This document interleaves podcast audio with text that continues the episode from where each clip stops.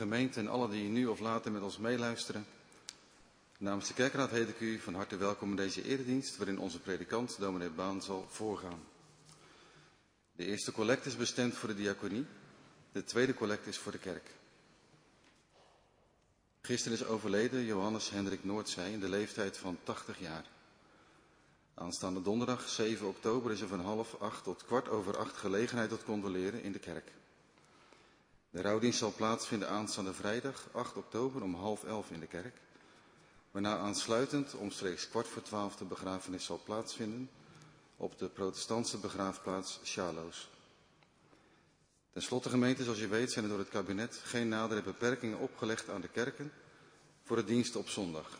Wel heeft minister Grapperhaus gisteravond nog een dringende oproep gedaan aan de kerken om alle richtlijnen van het RIVM erg serieus te nemen. De kerkenraad wil deze oproep hierbij nogmaals dringend onder uw en jouw aandacht brengen om onze verantwoordelijkheid hierin te verstaan. Namens de kerkraad wens ik u allen een gezegende dienst. Onze hulp is in de naam van de Heere Heere, die de hemel en de aarde geschapen heeft. In de naam van die God die trouw houdt en eeuwig leeft, en die niet laat varen enig werk dat zijn goddelijke hand begon. Amen. Genade zij u en vrede van hem die is en die was en die komen zal, en van de zeven geesten die voor zijn troon zijn, en van Jezus Christus die de getrouwe getuige is, de eerstgeborene uit de doden en de overste van alle koningen der aarde. Amen. Gemeente, wij zetten onze dienst voort door het zingen uit Psalm 119, het 24e vers. Ik zal uw geboden die ik oprecht bemin, mijn hoogst vermaak, mijn zielsgenoegen achten. En vers 25, gedenk aan het woord gesproken tot uw knecht waarop gij mij verwachting hebt gegeven. Er zal hier vooraan en ook achteraan op de galerij gezongen worden. Psalm 119, het 24ste en het 25ste vers.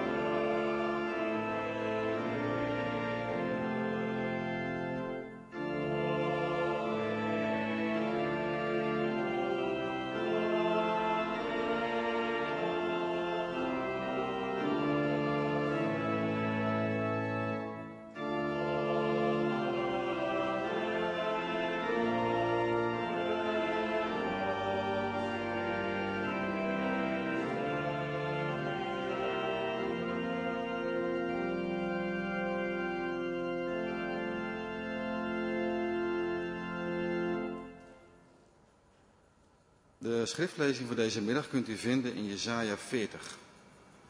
Maar vooraf doen we in verbondenheid met de kerk van alle tijden en plaatsen beleidenis van ons geloof. Met de woorden uit van de apostolische geloofsbeleidenis, waarna we zingen Psalm 119, vers 21. Dat mij, o Heer, uw goede tierenheid toch overkomt naar uw beloftenissen. Psalm 119, vers 21. En ieder spreken nu in zijn of haar hart. Ik geloof in God de Vader, de Almachtige, Schepper des hemels en der aarde. En in Jezus Christus, zijn enige geboren Zoon, onze Heere, die ontvangen is van de Heilige Geest, geboren uit de Maagd Maria, die geleden heeft onder Pontius Pilatus, is gekruisigd, gestorven en begraven, nedergedaald ter helle, ten derde dagen wederom opgestaan van de doden opgevaren ten hemel, zittende ter rechterhand Gods des Almachtigen Vaders, waar hij komen zal om te oordelen de levenden en de doden. Ik geloof in de Heilige Geest. Ik geloof in heilige, algemene christelijke kerk, de gemeenschap der heiligen, vergeving der zonden, wederopstanding des vleeses en een eeuwig leven.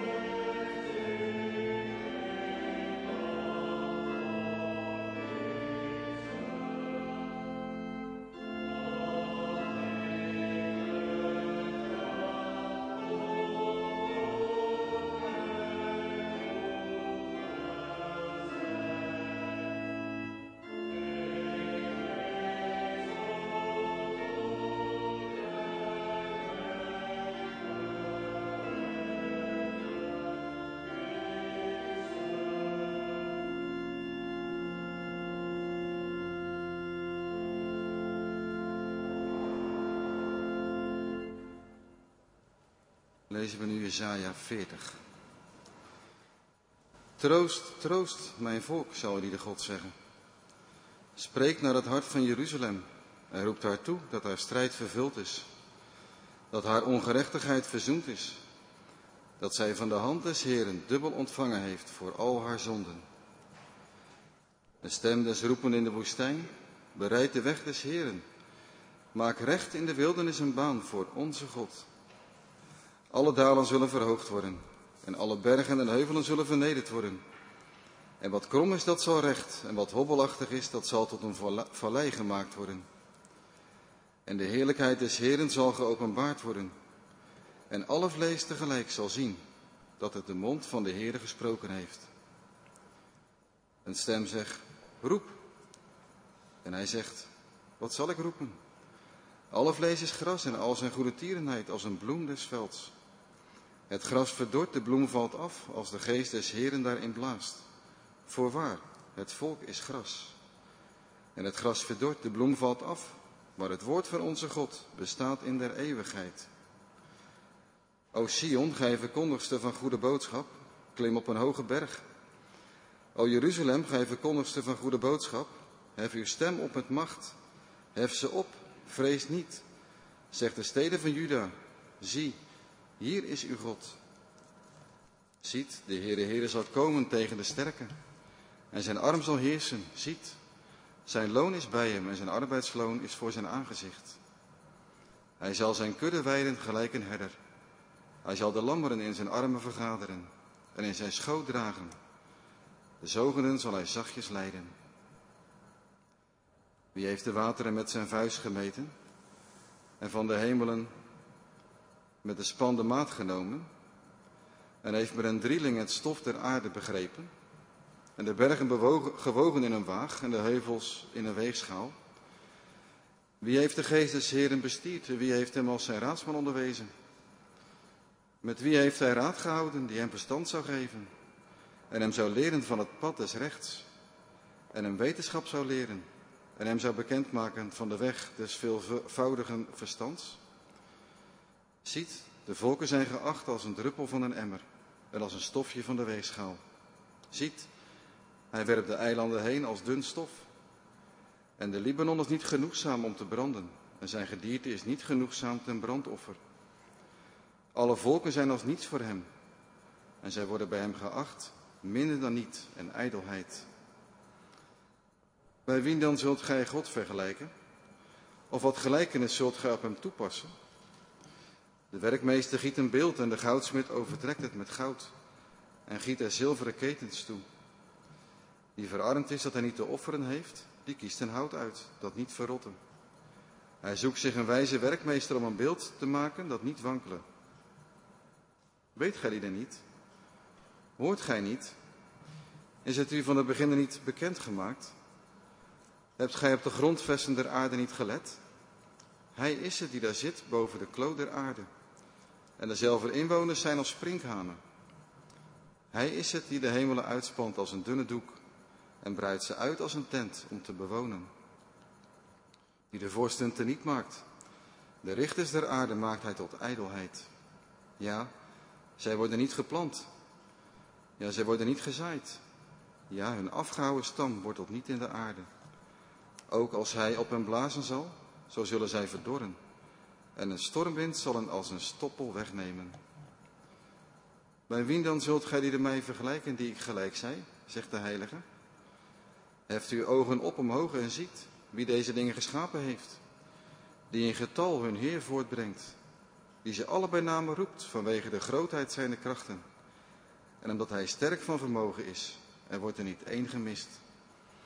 Waarom zegt gij dan, o Jacob, en spreekt, o Israël, mijn weg is voor de Heer verborgen en mijn recht gaat van mijn God voorbij? Weet gij het niet? Hebt gij niet gehoord dat de eeuwige God, de Heere, de schepper van de einde der aarde, nog moeder nog mat wordt? Er is geen doorgronding van zijn verstand. Hij geeft de moeden kracht en hij vermenigvuldigt de sterkte voor die die geen kracht heeft. De jongen zullen moede en mat worden en de jongelingen zullen gewisselijk vallen. Maar die de Heere verwachten, zullen de kracht vernieuwen. Ze zullen opvaren met vleugels, gelijk de arenden. Ze zullen lopen en niet moe worden. Ze zullen wandelen en niet mat worden. Geliefde gemeente, we hebben samen gelezen uit Gods woord het indrukwekkende hoofdstuk Jezaja 40, waarin het ging, zei ik al in het gebed, over enerzijds Gods macht en aan de andere kant onze nietigheid. En dan begint de Heer of Jezaja door God door middel van Jezaja met een troostvolle boodschap. De Heer zegt tegen hem, je moet mijn volk troosten. Staat er twee keer troost, troost mijn volk. En dat is het woord van God. Dat zegt uw, meervoud, uw lieder God tegen u. En wat moet je dan zeggen, Jezaja, tegen die mensen om hun te troosten? Nou, dat is in de eerste plaats dat haar ongerechtigheid is verzoend. Dat is vervolgens dat, ze van de hand, dat haar strijd is vervuld, dat, ze, dat is het eerste. Het tweede, dat haar schuld is vergeven. En het derde is dat ze van de hand van de Heere dubbel voor hun zonden hebben teruggekregen. Het heeft allemaal te maken, gemeente, met vergevende genade. Het eerste wijst er ons op, de oorlog is voorbij. God heeft overwonnen door het kruis op Golgotha. Het tweede zegt, God heeft je zonde vergeven, hij neemt die zonde weg.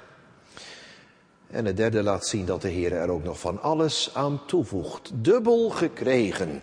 De zonden zijn weg en de Heer geeft je van alles ervoor terug. Zoekt het koninkrijk van God en al die dingen zullen u worden toegeworpen. Wat een geweldige troost. Want de Heere zegt hun dat toe. En dan valt het u ook wel op dat hij daarvoor Jezaja gebruikt. Jezaja, jij moet tegen hen zeggen, troostend, troostend mijn volk, wat ik hun aanzeg. En ja, gemeente, dat geeft ook werkelijke troost. Want God troost het hart, zingt David, dat schrijend tot hem vlucht en in het midden van de ellende zich naar de genadetroon van God blijft wenden met gebed. Als je vanmiddag in de kerk zit beladen met je zonde, dan komt het woord van de Heer naar u toe vanuit het evangelie, dat een vergevende liefde bij God is. Als je midden in de strijd zit, wat die strijd al zijn zal, in bijzonder ten aanzien van de zaligheid voor je hart, roept God het toe, die is vervuld door het bloed van het lam. En als je niets hebt om voor God te bestaan, zegt de Heer het, ik geef je alles ervoor terug, dubbel voor al je zonden. Daarvoor gebruikt de Heere gemeente allereerst de verkondiging van het woord, de prediking noemen we dat.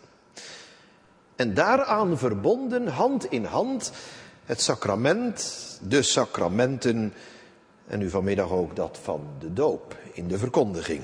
Opnieuw wijs ik u in deze vijfde preek over de doop, de tweede vanuit zondag 27, op het bloed van Christus, waarover gesproken wordt in vraag en antwoord 73. We lezen die met elkaar. Vraag 73. Waarom noemt dan, dat borduurt natuurlijk voort op antwoord 72, alleen het bloed van Jezus Christus reinigt ons van alle zonden? Of zonden staat er, maar waarom noemt dan de Heilige Geest de doop het bad van de wedergeboorte en de afwassing van de zonden?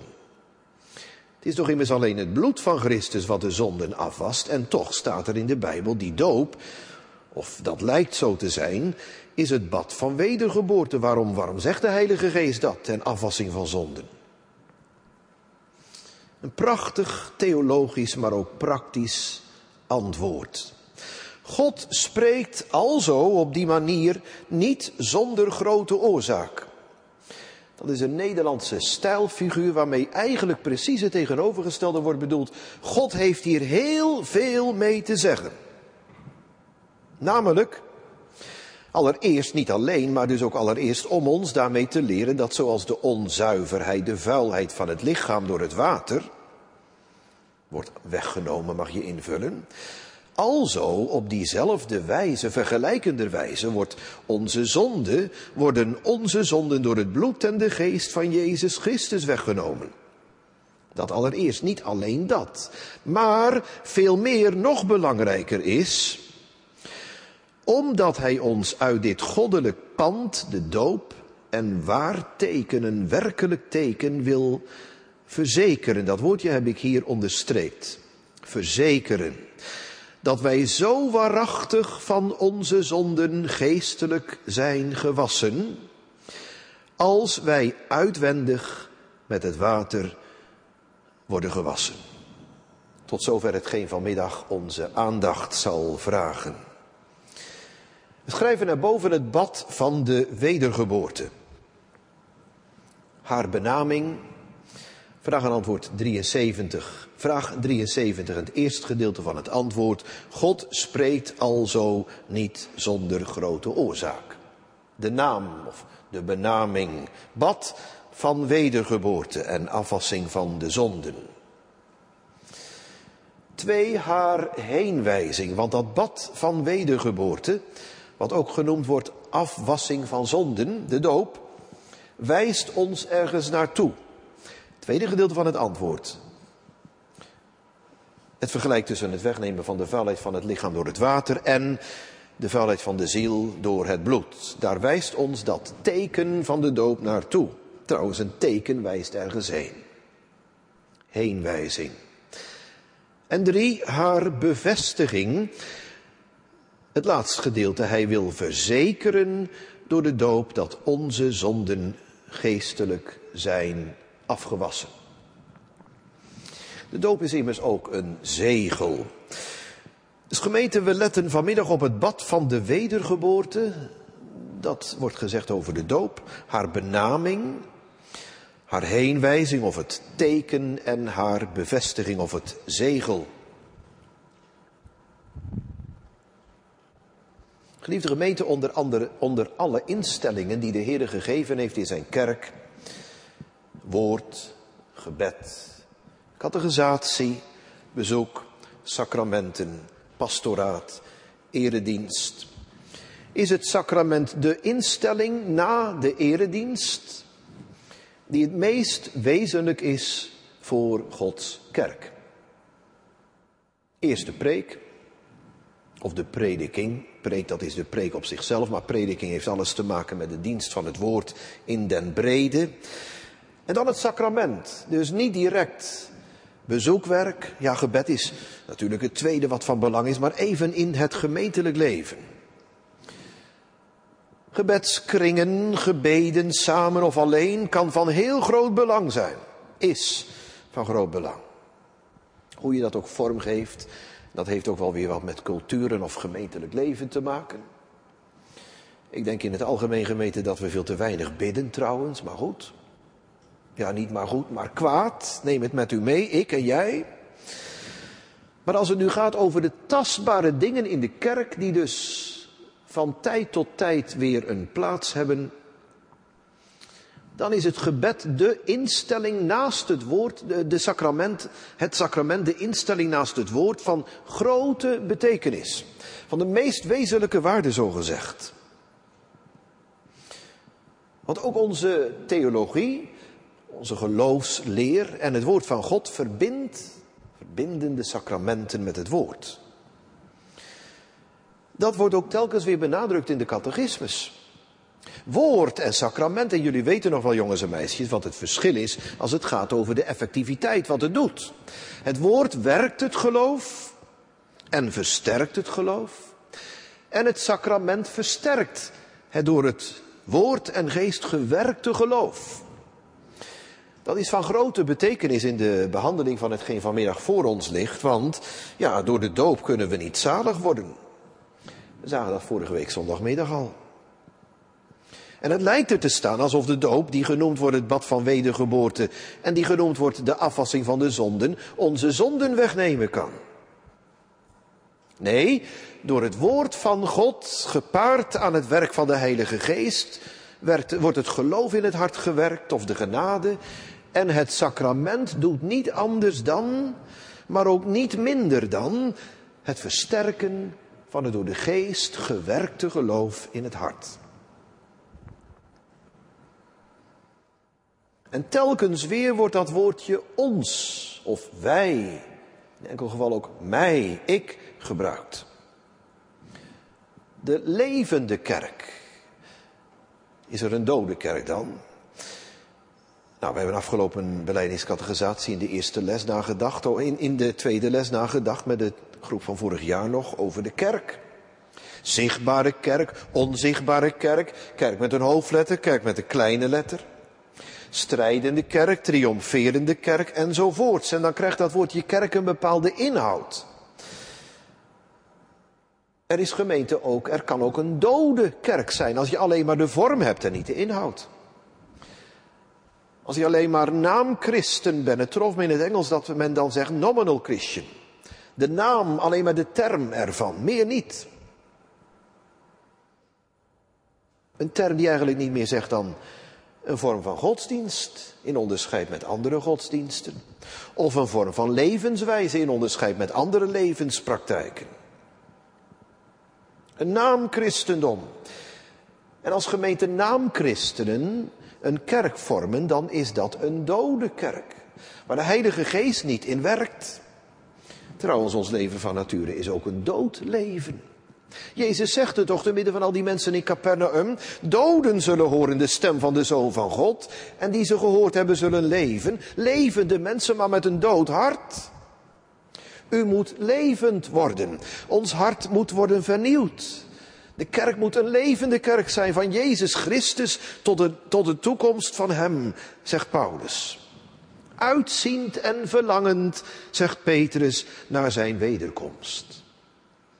In de strijd van het leven, zegt Johannes, maar door de Heere beschermd. Hij wandelt in het midden van de zeven gouden kandelaren, al die gemeenten en kerken, en hij houdt de zeven sterren in zijn rechterhand, levend met hem.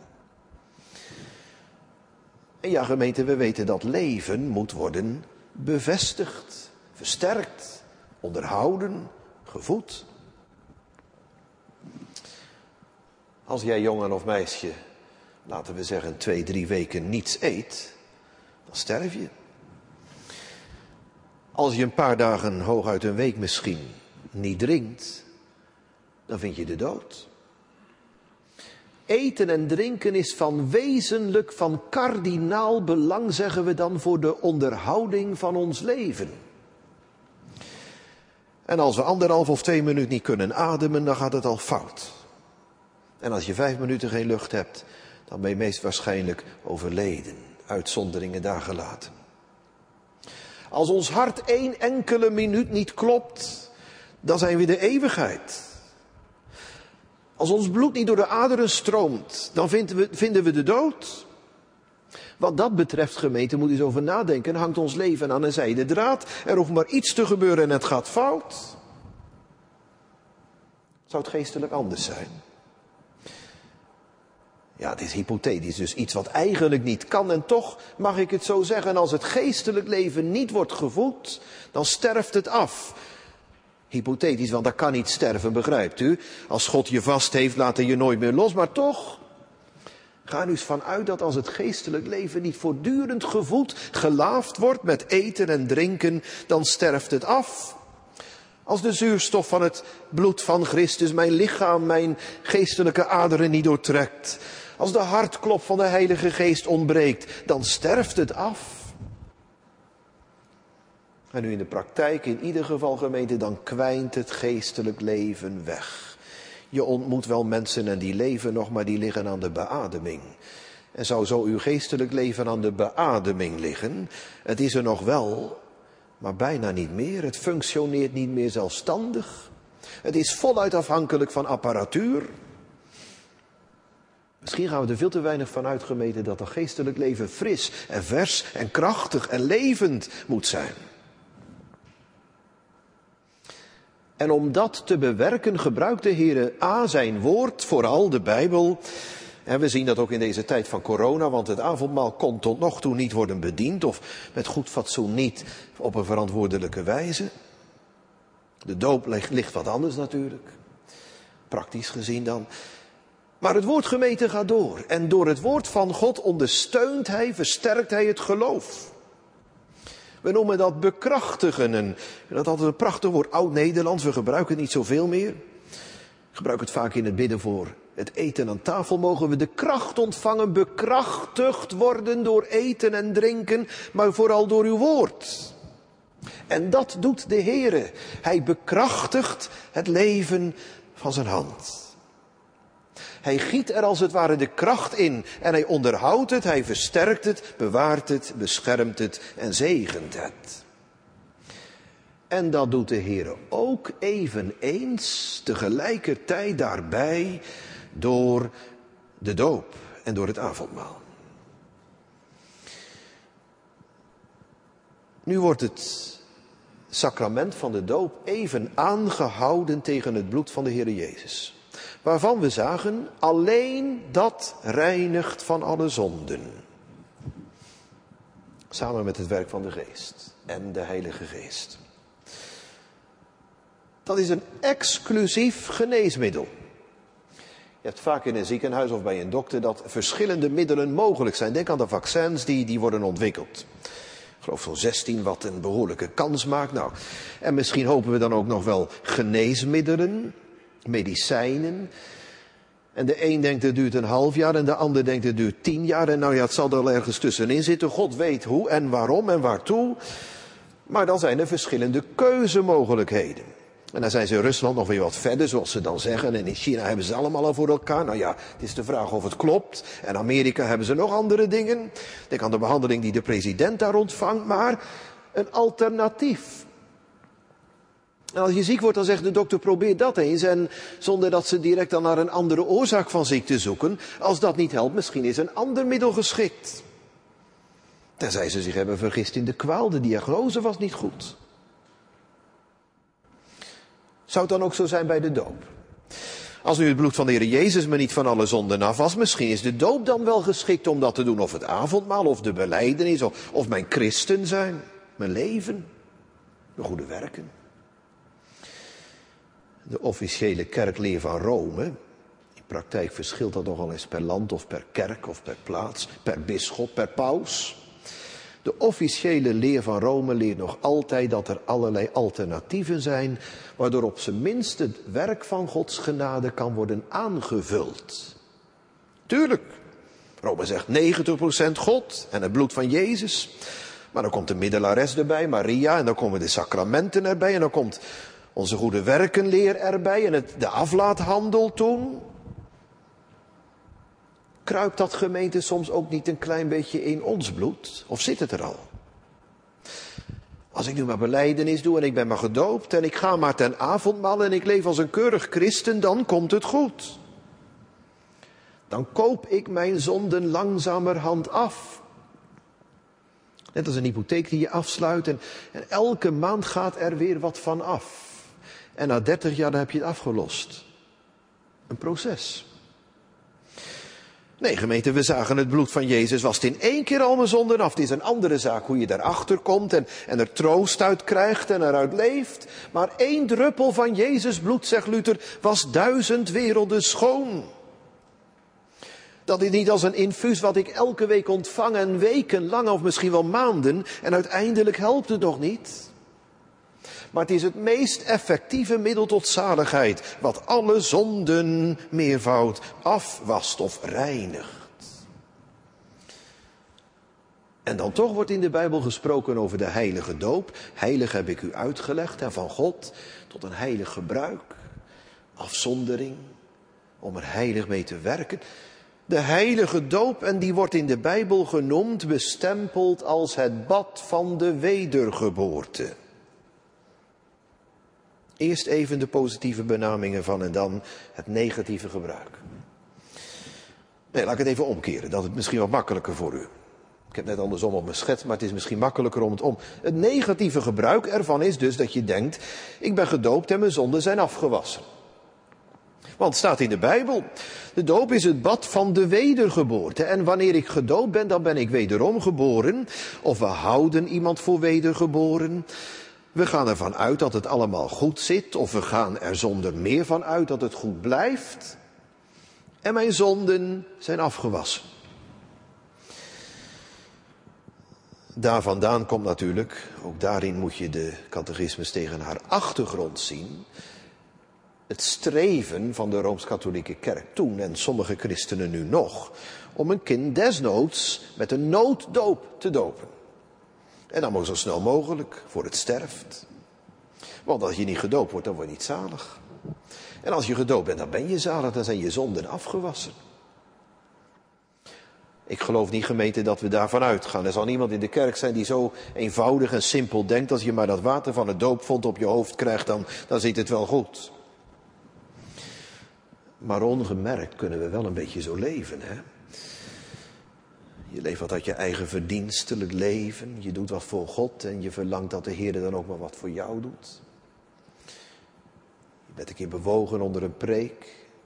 Je maakt de conclusie, het zit in mijn leven misschien wel goed, want ja, vanuit mezelf ben ik zo onverschillig.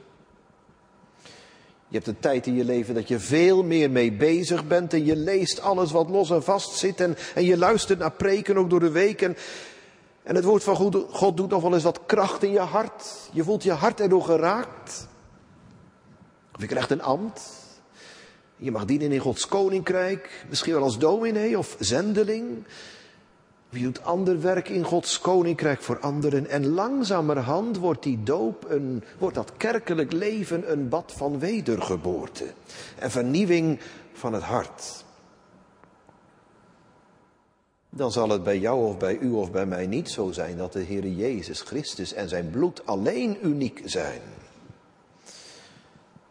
Want dan zijn er nog allerlei van die alternatieven. En als je het helemaal gemeente niet meer ziet zitten bij een arts, dan ga je naar een ander. En in een ziekenhuis, dan ga je naar een academisch ziekenhuis en dan laat je een second opinion doen.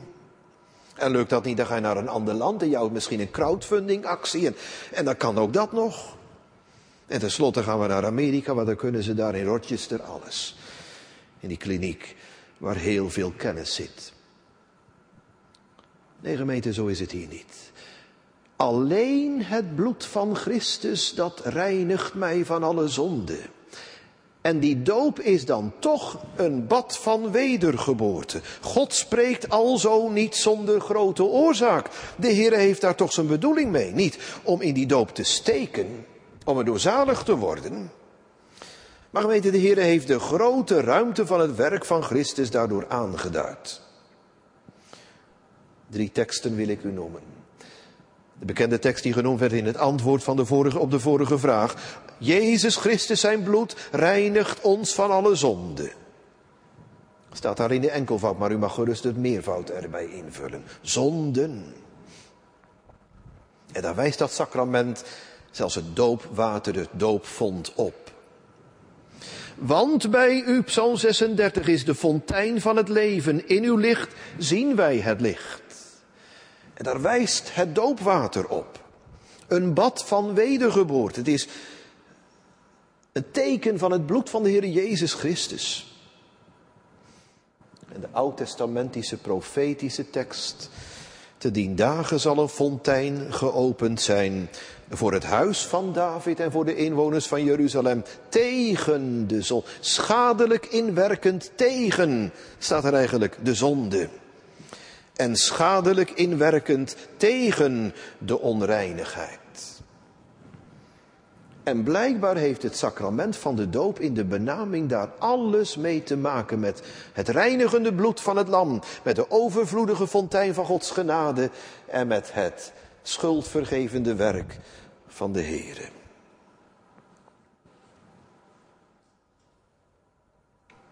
Want in één adem staat erbij afwassing van de zonde. En dat laat natuurlijk gemeente zien dat we de doop ook kunnen onderwaarderen. Het eerste waar ik u voor gewaarschuwd heb, was het overwaarderen. De doop is geen bad van wedergeboorte, noch van afwassing van zonden, maar het wordt zo genoemd. Maar er zijn ook misschien wel mensen in de kerk die zeggen, nou ja, ik ben wel gedoopt, maar goed dan toch. Dan onderkwalificeert, dan disqualificeert u zelfs de doop. Want wat gebeurt daar nu? prijs me zeer gelukkig in een gemeente dominee te zijn waar in ieder geval een heel liturgisch correct doopvond staat. Achtkantig. In heel veel oude kerken is dat het geval. Sommige doopvonden dat hier niet het geval hebben dan ook de voet nog acht kanten, maar dat wijst op de opstanding onder andere.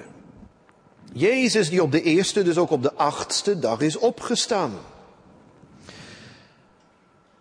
Een ander teken, klassiek, van dat getal 8 heeft te maken met Noach. Zijn acht zielen, het hele gezin behouden door de ark. Ook de doop heeft alles te maken met het behoud en het water. De Joodse opstandingspsalm, psalm 6, een lied op de scheminit, op het octaaf, de achtste toon, wijst ons op het werk van Gods genade. De acht, negen niet, maar acht zaligsprekingen, waarvan er twee eigenlijk één zijn, wijzen ons op Gods genade. En zo kunnen we nog doorgaan. De kinderen die op de achtste dag werden besneden. Dus heel de symboliek gemeente van de klassiek christelijke kerk van eeuwen terug al, zo ongeveer in de 13e, 14e eeuw kwamen die vormen van doopfonten in de kerken te staan. En in Duitsland kun je ze om de haverklap vinden in allerlei kerken, ook in Nederland. Wijst ons op Christus opstanding. En wat gebeurt er als iemand opstaat? Dan staat hij op uit de dood. Hij wordt geboren. En iemand die eerst gestorven is, die wordt opnieuw geboren. Weer geboren. Wederom geboren. Dat staat hier. Dus die doop wijst mij op de noodzakelijkheid en het wonder en de praktijk van wedergeboorte. Die wordt op acht kanten als het ware omklemd door het opgestane werk van, door het werk van de opgestane Jezus. En in zo'n doopvond bent u of ben jij, ben ik, figuurlijk gezien, ingedompeld. Dat water dat kwam op je voorhoofd terecht. Paulus gebruikt hetzelfde beeld. Romeinen 6, vers 4. We zijn dan met hem begraven. Dus iemand die eerst leefde, hij werd begraven, hij stierf, Jezus werd begraven. Door de doop in de dood, we gaan hem na in het afsterven van de zonde. Omdat, zegt hij dan in die moeilijke tekst, net als dat Christus uit de doden is opgewekt tot heerlijkheid van de Vader, alzo ook wij in nieuwigheid van het leven wandelen zouden. Nieuwheid, opnieuw. De doop wijst ons op de noodzakelijkheid van die reformatie en wedergeboorte. En wat is dat dan? Dat God in je leven komt, zegt u. Dat is wedergeboorte. Je gaat vragen naar de Heer, gaat verlangen naar God, dat je werkzaam bent met je ziel. Ja, dat is ook wedergeboorte in de engere zin. Het moment dat God in je leven begint. Ik kan Paulus op weg naar Damascus, Manasse in de kerker. Stokbewaarder, gevangen, gevangenbewaker in, in Filippi. Lydia aan de rivier. Maar er staat dan hier nog wat bij. En de afwassing van de zonden. En hier mag je gerust invullen. Ofwel, een is gelijkteken afwassing van zonden. Dat is gemeente de meest correcte uitleg van wedergeboorte. Ook dwars door de eeuwen heen in de theologen die ons zijn voorgegaan. Want wat kun je doen met het werk van Gods genade zonder het vergevende bloed van het lam? Stel je voor dat je zegt, ja, ik geloof dat God in mijn leven begonnen is. Ik geloof dat ik ben wedergeboren. Ik heb het voorbeeld wel eens genoemd van iemand die mij dat zei in een pastorie van een gemeente die ik tien jaren, meer dan tien jaren geleden heb mogen dienen. Ik ben wedergeboren. Maar Jezus bloed is me onbekend. Nee, staat hier, die doop, hè, die wijst ons op het opstaan met Christus tot de afwassing van mijn zonden. Al mijn schuld en verlorenheid moet door God en zijn genade worden weggenomen. Nou zegt de Heer, ik heb je laten dopen. Ik heb je gewezen op het bloed van Christus, wat al je vuile zonden afwast. Zo sprak Ananias, getuige het woord van Paulus in Handelingen 22, vers 16 toen God in zijn leven begon. Op de derde dag al. En nu, wat vertoeft u? Wat blijf je toch zitten, Paulus? Sta op, laat u dopen en uw zonden afwassen aan, roepende de naam van de Heere. En dan staat hij op en hij wordt gedoopt en hij mag geloven, niet door zijn doop, maar als een teken, een zegel van Gods genade in het verlossende werk van het lam. En later zou hij het schrijven, heel persoonlijk aan Titus. 3 vers 5. Hij heeft ons zalig gemaakt, niet uit de werken van de rechtvaardigheid, niet uit de werken van de wet die wij hebben gedaan, maar door zijn barmhartigheid, door het bad van wedergeboorte en vernieuwing van de Heilige Geest. En dat staat hier. En nu is de cirkel rondgemeten wat de vraagstelling betreft. De kanttekeningen zeggen bij die tekst, Titus 3 vers 5, wedergeboren en vernieuwd door de Heilige Geest als waterbad, waardoor de vuilheid gewassen wordt. Hoe staat het nu in jouw leven? In dat achtkantige doopvond of een ander doopvond, dat maakt even niet uit, gedoopt. Van daaruit gedoopt. Ben je gedoopt met Jezus bloed? Zijn jouw zonden afgewassen? Is jouw leven opnieuw geboren? Dat kan niet, zegt u. Want als je sterft, dan ben je dood. Ja, maar gemeente, de dood van de zonde wordt overwonnen door de opstanding van Jezus. De heiland leeft tot zaligheid, tot verlossing. En dan zegt de Heer vanmiddag nog ook al, is dat niet het geval. Ik wil en ik zal uw God zijn die zich door genade tot mij wenden zal. Ja, door genade. Daar heb je het weer, zegt u. Jezus laat dat woord ook wel eens weg. In de nodiging gemeente staat het er meestal niet. Dan staat er, je komt en ik kom tot u. Je gelooft en je wordt zalig, je bekeert je en het evangelie doet kracht. Niet omdat wij het doen, maar omdat al wat God beloofd heeft zeker zal bestaan. De naam, de benaming van het bad van wedergeboorte. En ik wilde bewust vanmiddag daar de meeste Of lees de langste nadruk op leggen. We gaan nog door, gemeente, met wat erbij staat. En dat hebben we al zijdelings met elkaar overdacht. Maar het wordt nu nog iets concreter benoemd. Want de doop is ook een teken. Het leert ons, net als het vuile van het lichaam wordt weggenomen door het water, waar het doopwater naartoe wijst. Eigenlijk is het hetzelfde. Het is water, het is nog wat krachtiger. Het is niet alleen iets wat wordt aangewezen, maar ook wat iets is. Water is water. En ook doopwater wast de onreinheid van het lichaam af. Zo worden onze zonden door het bloed en de geest van Jezus Christus weggenomen. Onze heeft hier voluit betrekking op de gelovigen. Hoewel gemeente, dat heb ik ook in het eerste punt uh, gezegd, de doop ook betekenis heeft voor hen die niet geloven. Juist ook. Maar onze zonden, en wij leren daarmee wat. De Heilige Geest leert of God leert ons daarmee iets. Laten we ons nog leren, u en ik. Als gemeentelid, als dominee, als ambtsdrager, als gelovige, als avondmaalganger, als gedoopte in dat leerproces gemeente. Want dat, dat, dat blijkt wel uit het antwoord. Er staat niet alleen God heeft ons wat geleerd. Hij leert ons tegenwoordige tijd. Raakt u, raak ik nooit uitgeleerd. Ik hoop dat u door de week ook nog wel eens wat leest. Of heel veel leest of luistert, beluistert. Niet alleen goede muziek. Maar ook de hemelse muziek. Het woord van God. Ik zag een keer een jongen en die wat jaren geleden, die liep met zo'n stel oordopjes in zijn oren. Vandaag de dag is dat vrij normaal.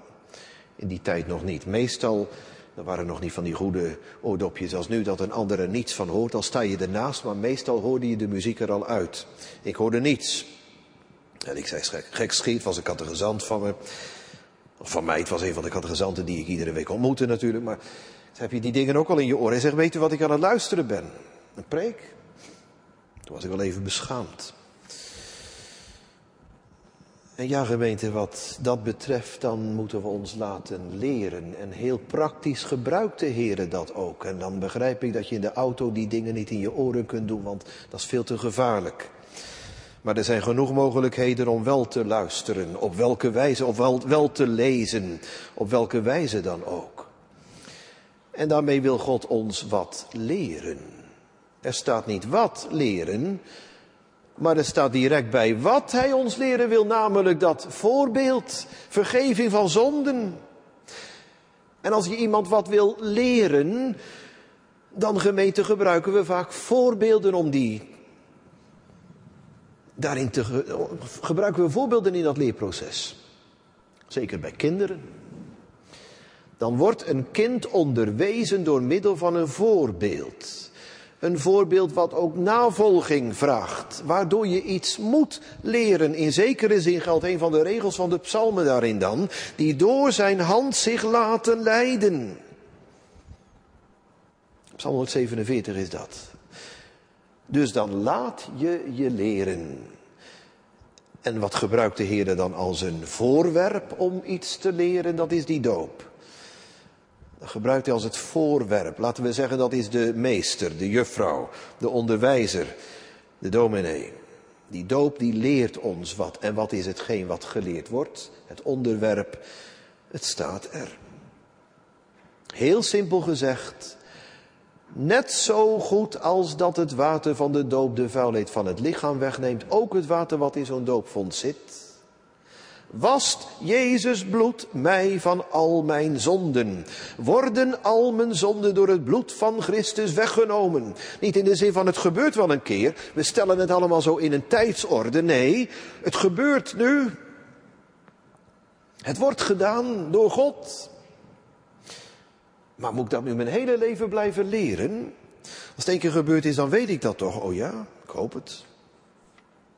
Er zijn zoveel dingen gemeten die dat leerproces bemoeilijken, vergelijken met coronatijd. Het is heel begrijpelijk, het is niet goed om in opstand te komen, maar heel begrijpelijk en in zekere zin ook nog wel prijzenswaardig dat hogere school en universitair gescholierde studenten vroegen, maar we willen weer naar de les, we willen weer op school, we willen weer naar de universiteit, naar, naar, naar de plaats waar we les kunnen krijgen. Ja, acties zijn niet goed, maar die willen weer leren. Die moeten weer oog in oog met leraren of leraressen zitten. Of hoogleraren. Of mensen die een praktijkvak leren. En zo wil de gelovige altijd weer naar school als het goed is. En die school, dan, in, dan gebruikt de Heer dat, dat doopwater, dat doopvond, die doop, dat doopsacrament. En hij leert mij wat. En heel concreet zie ik dat water komen op het voorhoofdje van een kind en ik mag het weer geloven. Zo zeker worden al mijn zonden verzoend. Wat wordt de doop dan een wonder? Niet alleen een wonder van emotie. Begrijp de emotie best. Je staat met je kindje voor God.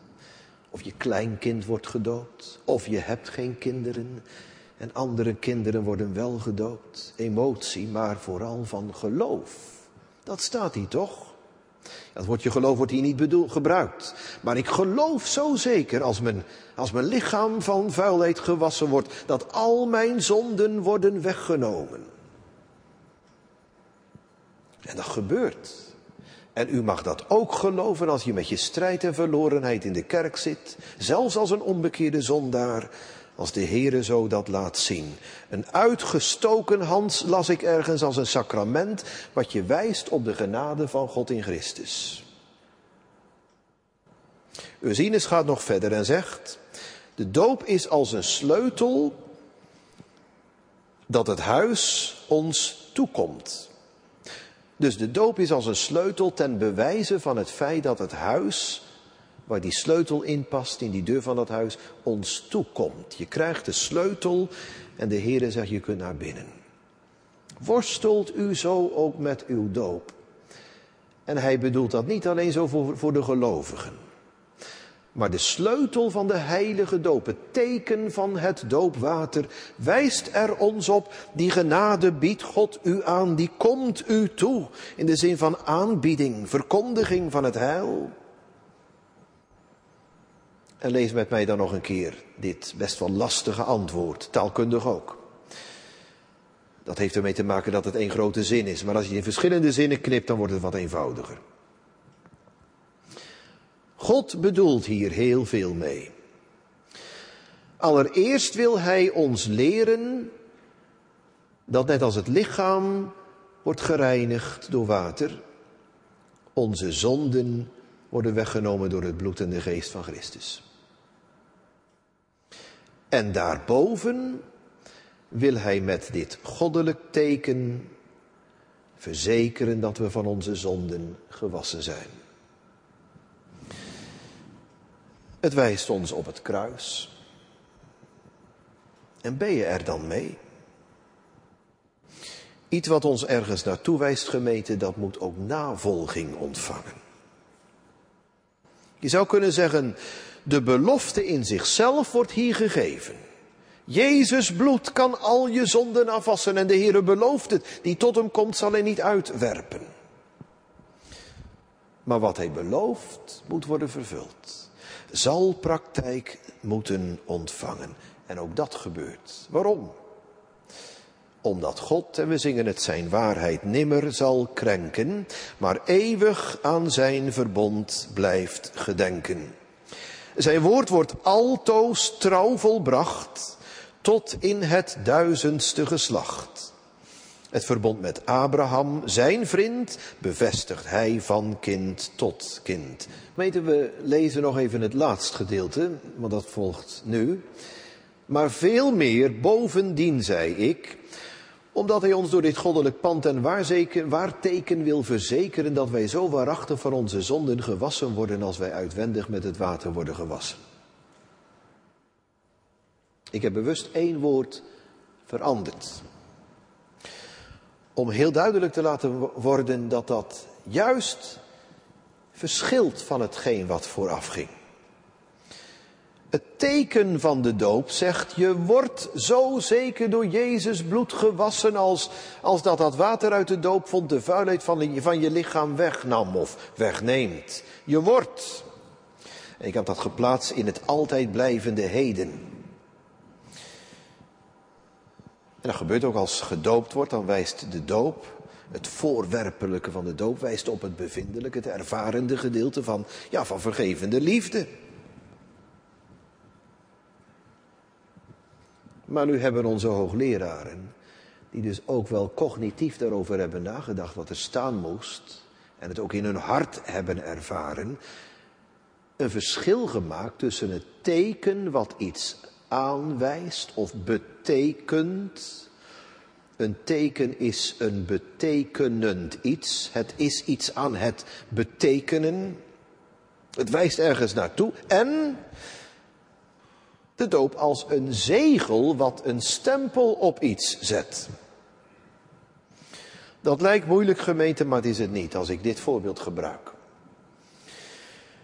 Toen ik vanmiddag naar Kortgene reed, zag ik op mijn telefoon, op de Google Maps aanduiding staan, zoveel kilometer. Ik geloof dat het 69 of 70 kilometer was over de eilanden. En dan weet je, nou ongeveer 50 minuten, stond er 52 minuten, het klopte precies. Dan ben je daar. En dan wordt voortdurend bijgesteld. Nog zoveel kilometer en, en, dan wordt het verkeer erop losgelaten en van, vanwege allerlei informatie daarbij natuurlijk. En nog zo lang en ja, tien voor uh, twee was ik daar. Maar dan kun je om tien voor één weggaan, of vijf voor één. En kun denken, ja, ik hoop dat die brug niet open staat en dat er niet te veel file is. En dat de auto's niet te langzaam rijden, want is daar op de eilanden wel het geval. Als iedereen 50 rijdt, dan doe je anderhalf keer zo lang over dan wanneer je 80 rijdt, wat daar mag. Nou, vul het maar in. Dan moet je nog maar zien of die tekenen kloppen in zoverre dat het ook werkelijkheid wordt. En dan heb je eigenlijk pas rust als je er bent en tijdig de dienst kunt beginnen. Nu wijst de doop ergens naartoe. We moeten bij Jezus bloed zijn. Daar heeft jouw voorhoofd toen op gewezen, ook al besef je het nog niet. Aangezien onze kinderen deze dingen niet verstaan of begrijpen, zo moeten ze van Gods genade niet worden uitgesloten. Vanmiddag werd er ook een kindje gedoopt.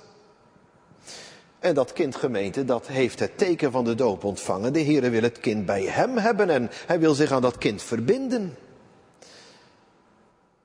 Maar het is nog niet zover. En als het zover is, komt dat niet door de doop. We moeten er nog naartoe. De belofte moet nog worden vervuld. De aanduiding moet verwezenlijkt worden. Hetgeen mij wordt toegezegd, zal ik in handen of in harten het hart moeten krijgen. En dan is de doop niet alleen een teken die ergens naartoe wijst, maar tegelijkertijd voor die gelovigen. En nu laat ik dat voorbeeld even los, want daar zat een 50 minuten tussen, maar tegelijkertijd iets ook bevestigt. En wat in het dagelijks leven bijna nooit opgaat als iets wordt beloofd, is het nog lang niet altijd werkelijkheid, gaat hier wel op. Wat God belooft in het teken, verwerkelijkt Hij in het hart van zijn kinderen. Daadwerkelijk, juist ook dan. Zo wordt het hier bedoeld. Niet zo van, ja, God belooft het eerst in mijn leven en het komt twintig jaar later wel goed. Die mensen heb je ook die zeggen, toen beloofde God het mij. En ja, heel wat jaren later werd het werkelijkheid. Nee, gemeente, het geloof dat hecht zich aan de belofte vast. En zegt er amen op. Maar dezelfde doop wat aan de een, die aan de ene kant ergens naartoe wijst, bevestigt op hetzelfde ogenblik ook wat. En dan moet ik denken aan Psalm 93. Uw macht is groot en uw trouw zal nooit vergaan. Al wat gij ooit beloofd hebt, zal een keer waar worden? Zal een keertje vervuld worden? Nee, zal bestaan. Want God zegt niet alleen in die doop toe, je moet daarheen. Het teken. Maar de Heere bevestigt zijn eigen werk ook. En daardoor staat het er als volgt. Veel meer, nog veel belangrijker bij de doop is de zegelfunctie. Zo staat het er. Ik zou niet weten hoe je het anders kunt uitleggen. Nog veel belangrijker dan dat God ons ergens naartoe wijst, dat is al groot, als je het kruis mag gaan zoeken, is het zo dat wij van zonden gewassen zijn. Dat is tegenwoordig voltooide tijd. Wij zijn gewassen. En we zijn dat elke dag opnieuw. En daar gebruikt de Heer nu de doop voor. En dan mag je kijken naar het doopvond en het water en het kind en, en de ouders desnoods of de dominee. Maar al die dingen vallen weg, want je kijkt alleen ten diepste naar het bloed van de Zoon van God.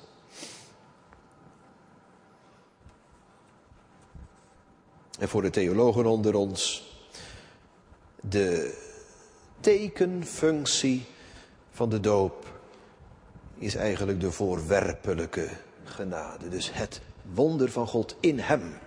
Wat Jezus deed. Dat is al een wonder.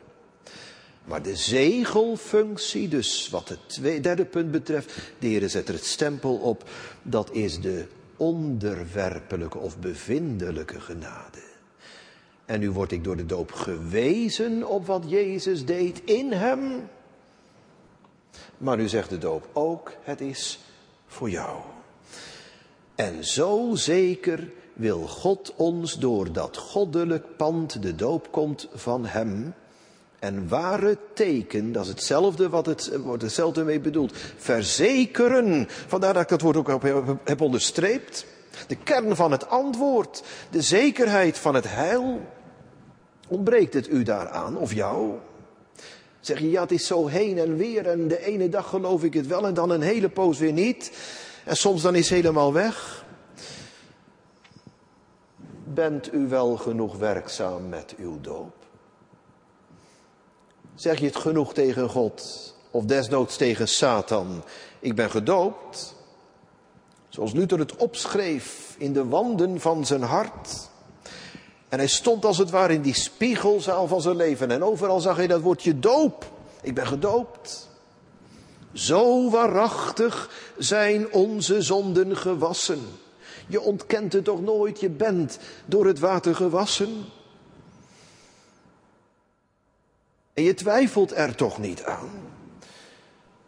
Als je op een corona-afdeling komt of werkt, kun je nog aan twijfelen of je handen genoeg gewassen hebt en de voorzorgsmaatregelen zuiver en zorgvuldig genoeg genomen hebt. Maar gemeente, hier is geen enkele twijfel mogelijk. Want door het geloof zegt de gelovige amen op Gods belofte. Gewassen zijn. Allen of de meeste van ons, misschien wel allen, gedoopt. Een heilige doop van God. Tot een heilige afzondering. Met een heilig doel. Maar ook vanuit mijn leven een heilige worsteling. En het bloed van Jezus Christus heb ik zo nodig. En daarom kom ik tot Hem, met schuld beladen en verbind me aan Gods belofte. Zo moet de dienaar van het woord Gods kinderen troosten. Dat haar strijd vervuld is. In volkomen analogie tot het derde gedeelte van dit antwoord. Zijn gewassen dat er ongerechtigheid verzoend is. Zijn gewassen. En dat zij van de hand van de Heere dubbel ontvangen hebben. Zijn gewassen. Van al voor al hun zonden. Amen.